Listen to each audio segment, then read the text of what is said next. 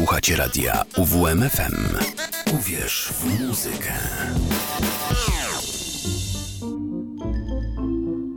Sowa przed północą.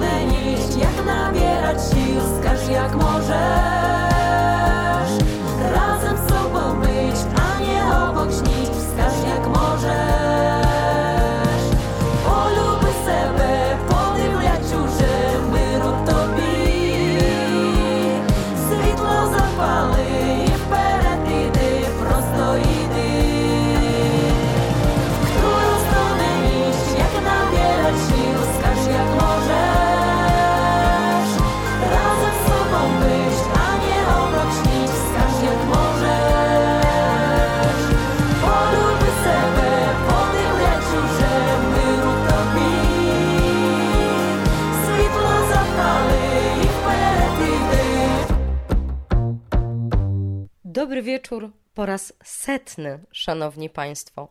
To już setna audycja, kiedy witam się z państwem w poniedziałkowy wieczór i kiedy mogę z państwem tę jedną godzinę w tygodniu spędzić. Niech sobie państwo wyobrażą, że to 100 odcinków to 95 książek i tylko 3 audycje powtórkowe. Spędziliśmy ze sobą ponad 100 godzin antenowych, a na fanpage'u Sowy przed północą na Facebooku pojawiło się ponad 250 postów. Natomiast jest nas ponad 430 osób, które cały czas biorą udział w tej sowiej społeczności, którą udało nam się zbudować. To wręcz nie do wiary, że tyle czasu już upłynęło, odkąd rozpoczynałam Sowę przed północą. Chciałam Państwu bardzo za to podziękować, za to, że jesteście, za to, że proponujecie czego chcielibyście posłuchać, czy też jaką książkę chcielibyście usłyszeć. To bardzo pomocne i w tym specjalnym dniu chciałam bardzo Państwu podziękować za Waszą obecność i za Waszą aktywność podczas audycji i poza nimi, kiedy dostaję od Państwa naprawdę moc kolorowych i ciepłych wiadomości dotyczących samej audycji. Radio UWMFM to bardzo gościnne miejsce i to wspaniałe, że właśnie tutaj mogliśmy znaleźć dla siebie naszą przestrzeń. Wita się z Państwem Marta Wróblewska, jak zwykle przy mikrofonie w poniedziałkowy wieczór. Rozpoczęłam utworem Dagadana, Goj ty nasza pani. Usłyszeliście go dokładnie 50 audycji temu, czyli 369 dni temu, kiedy Rosja zaatakowała bestialsko Ukrainę. Nie bez powodu powtarzam ten utwór, ponieważ trzeba pamiętać, że ten koszmar nadal trwa, ludzie nadal giną, a Rosja nadal nie została ukarana za dokonane potworności. Ale również 50 audycji temu skupiłam się na zespole Queen, który dzisiaj również się pojawia. Natomiast nie będziemy się skupiać bezpośrednio na muzyce zespołu, a raczej na samym jego wokaliście, czyli na Freddie Mercurem. Wówczas czytałam Państwu o Queen, a dzisiaj książka, którą usłyszycie, to Mark Blake, Królewska historia Queen w tłumaczeniu Jakuba Michalskiego, wydana przez wydawnictwo Sin Qua Non w 2015 roku. Czy to naprawdę już setny odcinek? 96. książka, którą Państwu czytam? To jest jakieś absolutnie nieprawdopodobne. No ale startujmy z muzyką. Teraz Freddie Mercury i Billy Squire z utworem Lady with a Tenor Sax, a potem Mercury zaśpiewa In My Defense. Jeszcze raz dobry wieczór, Marta Wróblewska przy mikrofonie. Rozpoczynamy setną sowę przed północą.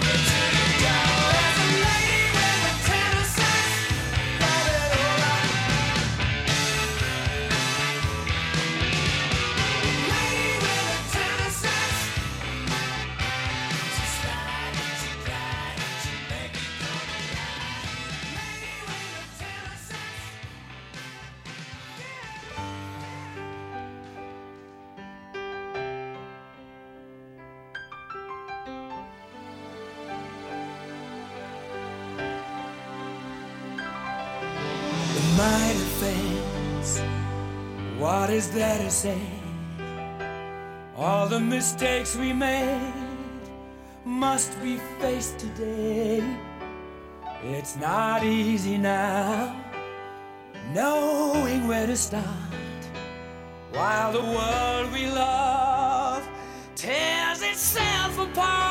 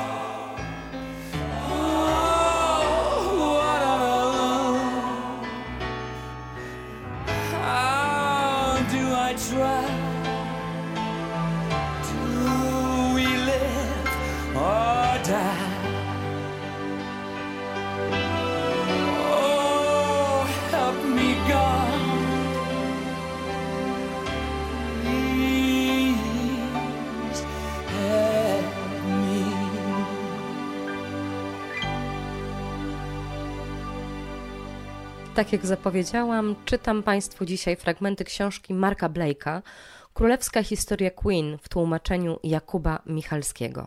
Znalazłam fragment o genezie nazwy Queen, a rozpoczyna się on tak. Geneza nazwy Queen jest podobnie jak skrócony statyw mikrofonu Frediego owiana wszelkiego rodzaju mitami i legendami.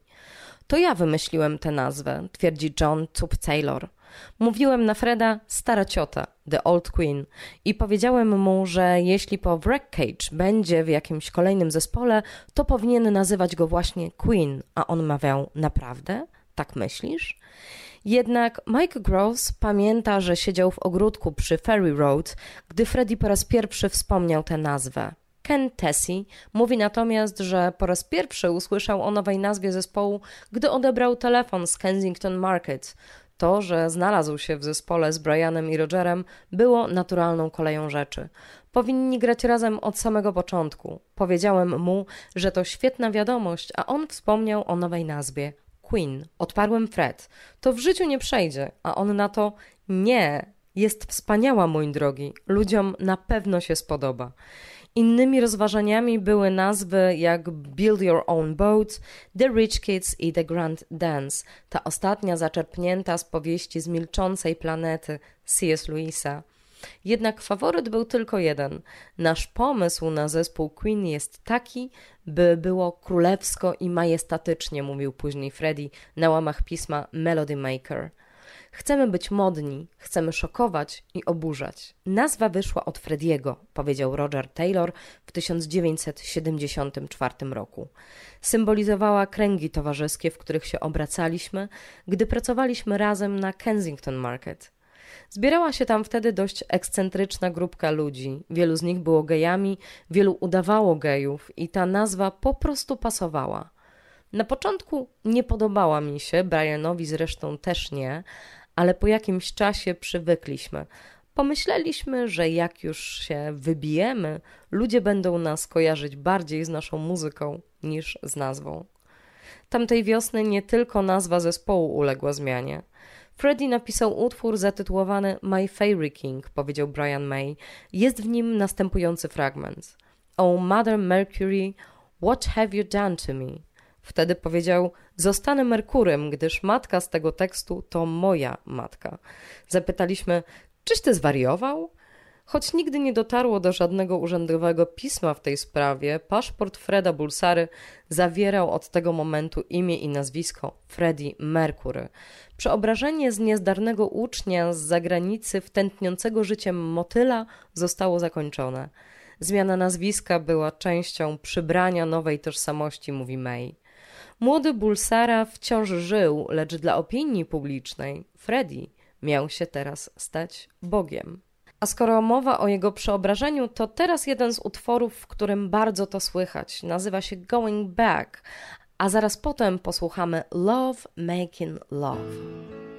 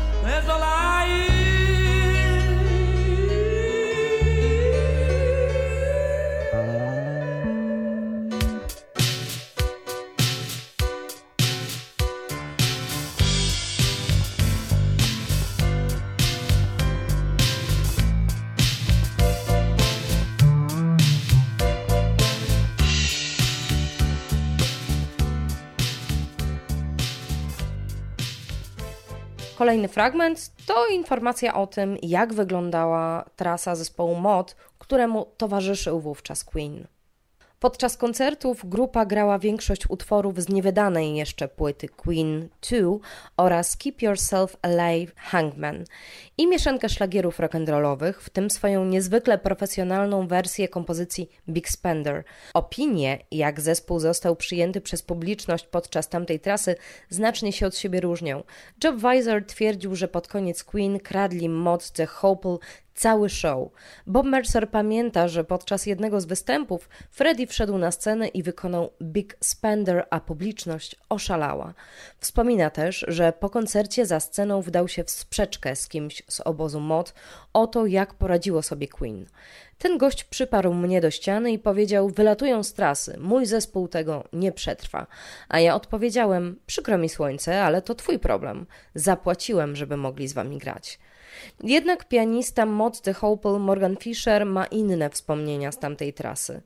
Odbiór muzyki Queen wśród publiczności różnił się w zależności od koncertu. Podczas jednej połowy występów był dobry, a podczas drugiej zupełnie obojętny. Fisher oglądał Queen z boku sceny. Nie wątpił, że zespół osiągnie sukces, miał jednak pewne uwagi. Oni byli inni niż pozostałe zespoły. Kiedy teraz o tym myślę, to wyglądali jak chodząca reklama Biby. Ale chcieli mieć dobry kontakt z publicznością i to stanowiło ich główny cel. Cały zespół wydawał mi się wtedy znacznie bardziej szalony. Właśnie to szaleństwo odpychało mnie w tamtym czasie. My już wcześniej odnieśliśmy sukces, więc nie musieliśmy cały czas popisywać się przed widownią, ale muzykom Queen zależało na wybiciu się i czasami miałem wrażenie, że starali się aż za bardzo. Oba zespoły podróżowały jednym autobusem. Fischer, korzystający z wszelkich przyjemności, które niesie ze sobą gra w zespole, sporo wtedy piłem, mawiał, zabawiał przypadkową publiczność. Kupiłem skrypty audycji The Gun Show i tak mi się spodobały, że postanowiłem podzielić się nimi z całą resztą. Stawałem na przodzie autobusu i odczytywałem całe odcinki. Jego przemowy miały konkretny cel. Muzycy Queen wpadli w obsesję na punkcie swojej roboty i trzeba ich było trochę rozerwać. Osiem lat później Fisher został koncertowym klawiszowcem Queen.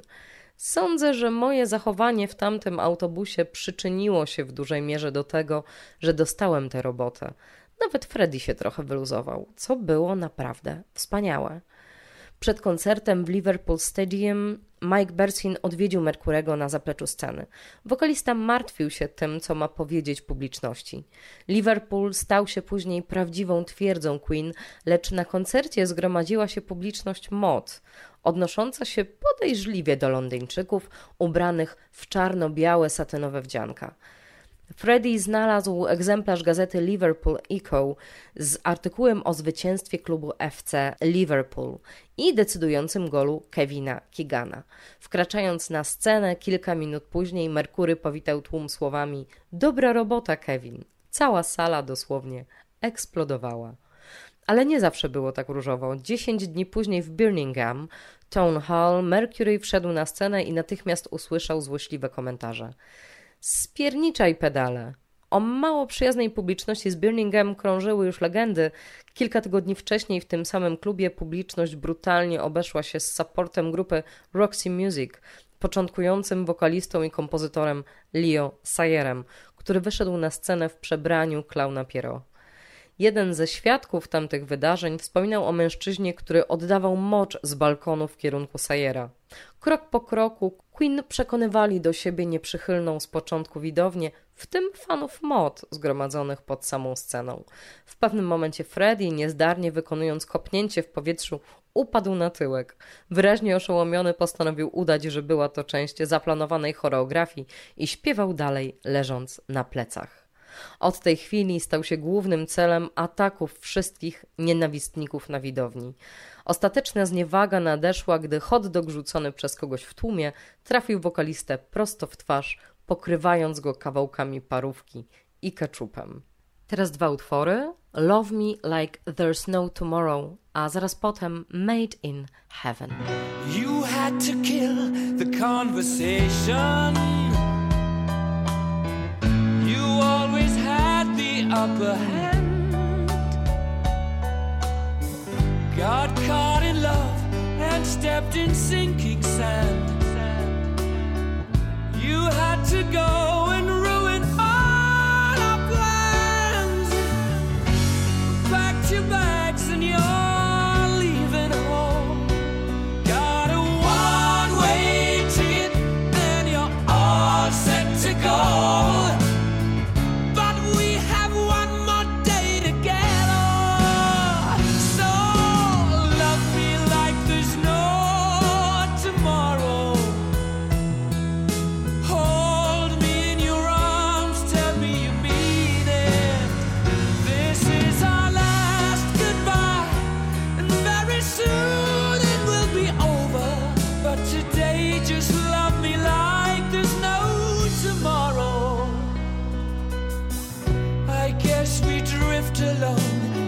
separate ways. I don't have all that.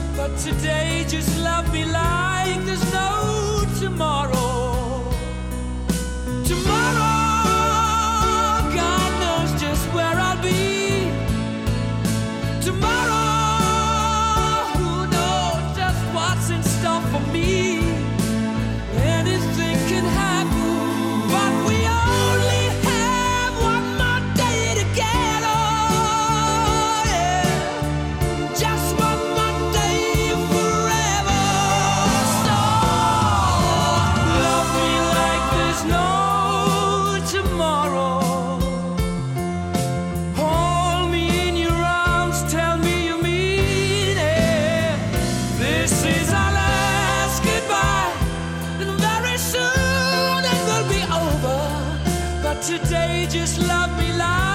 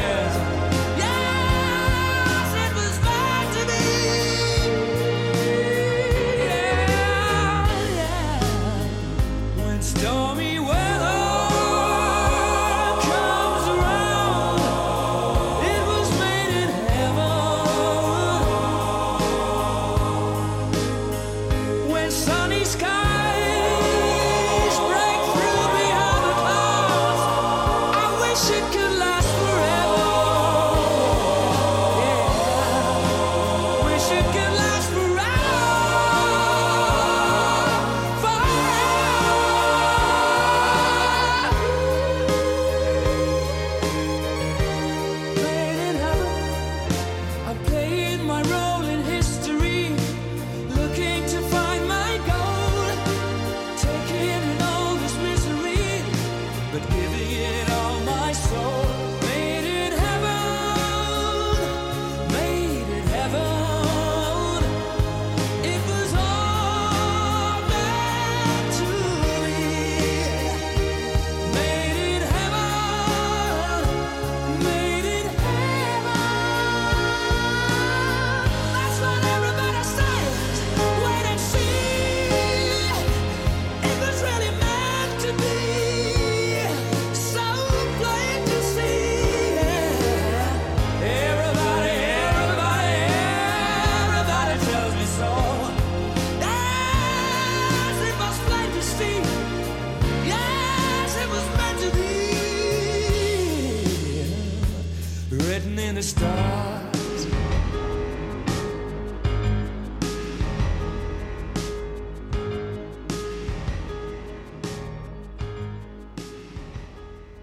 Rozdział piąty. Głupi dranie.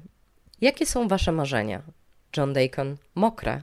Brian May, żeby ludzie okazywali sobie więcej zrozumienia. Roger Taylor, być bogatym, sławnym, szczęśliwym i popularnym. Freddie Mercury, Wciąż być boskim i wspaniałym. Wracajcie do domu, angielskie cioty. Czy można wyobrazić sobie milsze powitanie publiczności? Queen zatknęli się już wcześniej z szorstkimi przyjęciami widowni, ale nie 17 tysięcy kilometrów od domu. 28 stycznia 1974 roku grupa wyleciała do Australii, by zadebiutować tam podczas Sunbury Rock Festival. Trzydniowej muzycznej uczty odbywającej się na 630-akrowej firmie w Melbourne. Jakoś udało się załatwić zespołowi występ wczesnym wieczorem w sobotę, choć publiczność nie miała bladego pojęcia, co to za grupa. To była jedna wielka seria nieporozumień, delikatnie podsumował to później Brian May. Sunbury wystartowało rok wcześniej. Artystów zapowiadał komik Paul Hogan, który później zdobył sławę jako gwiazda filmów komediowo-przygodowych o krokodylu Dundee. W 1974 roku większość występujących na Sunbury artystów stanowili miejscowi wykonawcy tacy jak Buster Brown, Daddy Cool czy Mother Lake, zespoły nieznane poza Australią, lecz mające u siebie solidną reputację i spore grono zagorzałych fanów. Muzycy Queen chcieli jak zwykle, by wszystko zostało dokładnie dopracowane, więc przywieźli swoje własne oświetlenie i nalegali, by zajęła się nim ich własna ekipa, co nie spodobało się miejscowej obsłudze. Chcąc uzyskać jak najlepszy efekt wizualny, grupa robiła wszystko, by wyjść na scenę nieco później i uniknąć pełnego światła słonecznego, czym rozzłościła inne zespoły mające wystąpić tego dnia.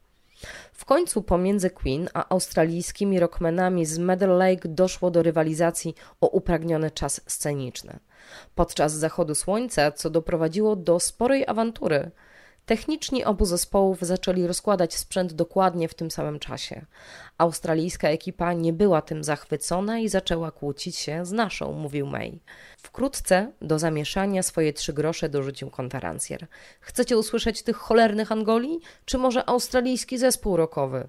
Jest tu paru Brytonii i pewnie będą do kitu. Choć zespół spotkał się z wrogością publiki, przynajmniej jeden naoczny świadek twierdzi, że nie tylko nie zostali pożegnani buczeniem, ale nawet wyszli na bis. Przed zejściem ze sceny Mercury obwieścił zgromadzonym: Gdy Queen wróci do Australii, będziemy już największym zespołem na świecie. Teraz posłuchamy dwóch przepięknych piosenek. Pierwsza nazywa się My Love is Dangerous, a druga to The Great Pretender. Warto zaznaczyć, że muzykę komponował sam Merkury. My love is dangerous.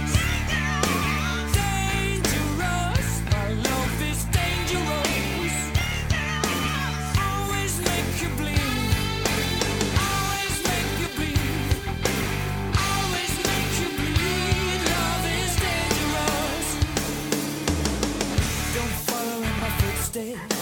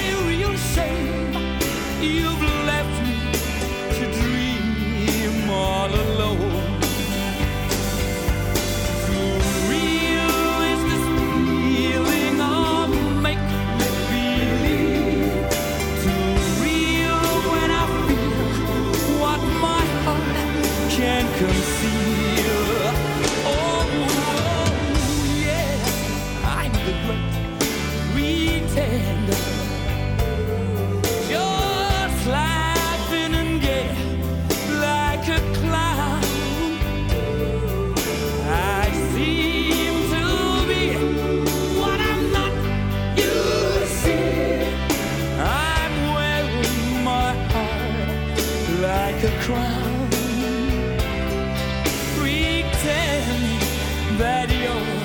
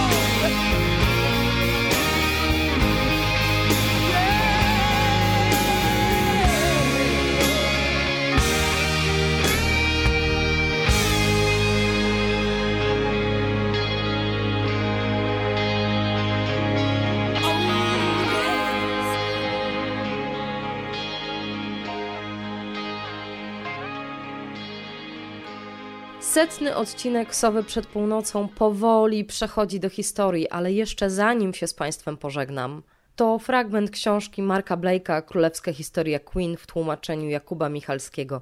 Jeszcze parę słów. Trasa zahaczała o sale koncertowe Waterbury w stanie Connecticut, Bostonie i Filadelfii, a następnie dotarła do nowojorskiego Bacon Theatre, gdzie odbyły się cztery koncerty. Właśnie w Nowym Jorku grupa dołączyła do Electric Lion Studios, do Iana Huntera i Roya Thomasa Bakera.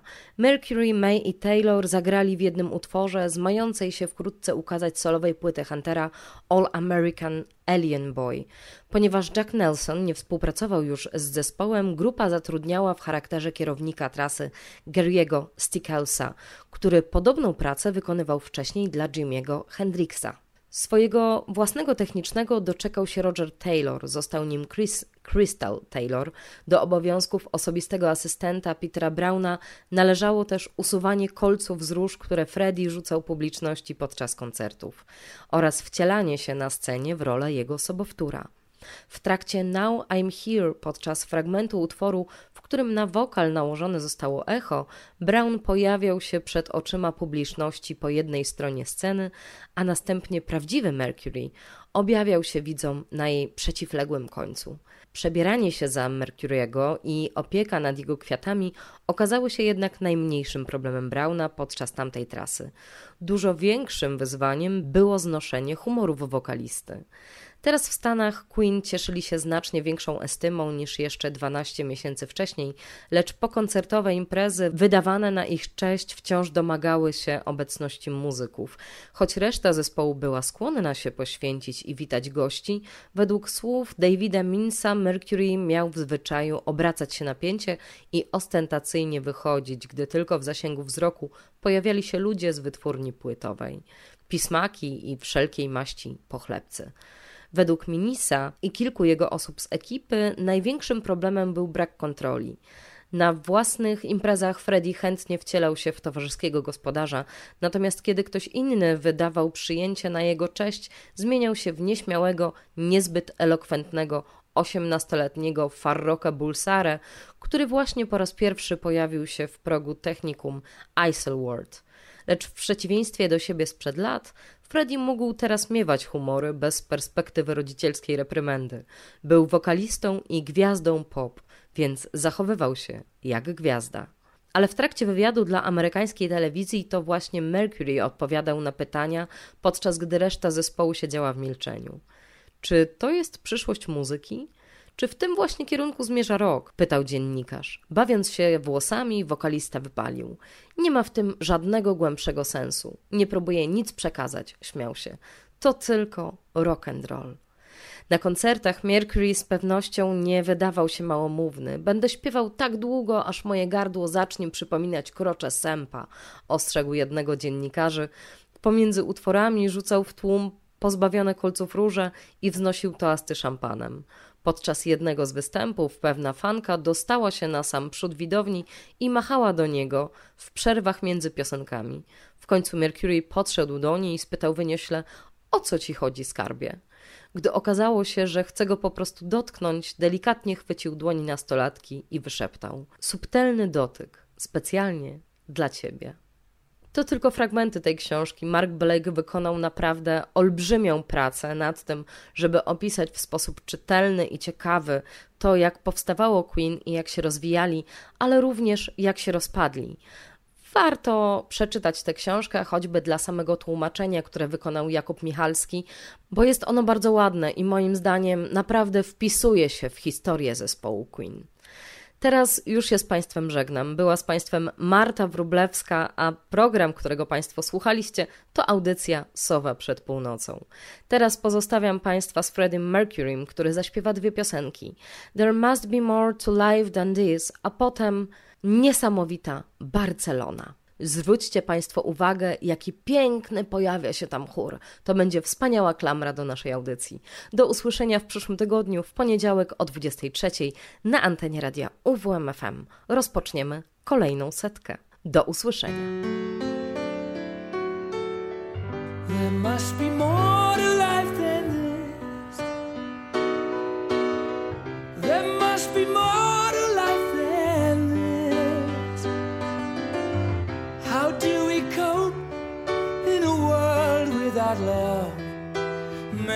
All those broken hearts and tending to those crying faces. There must be more to life than living. There must be more than meets the eye. Why should it be just a case of black or white? There must be more to life than this. Why is this world so full of hate?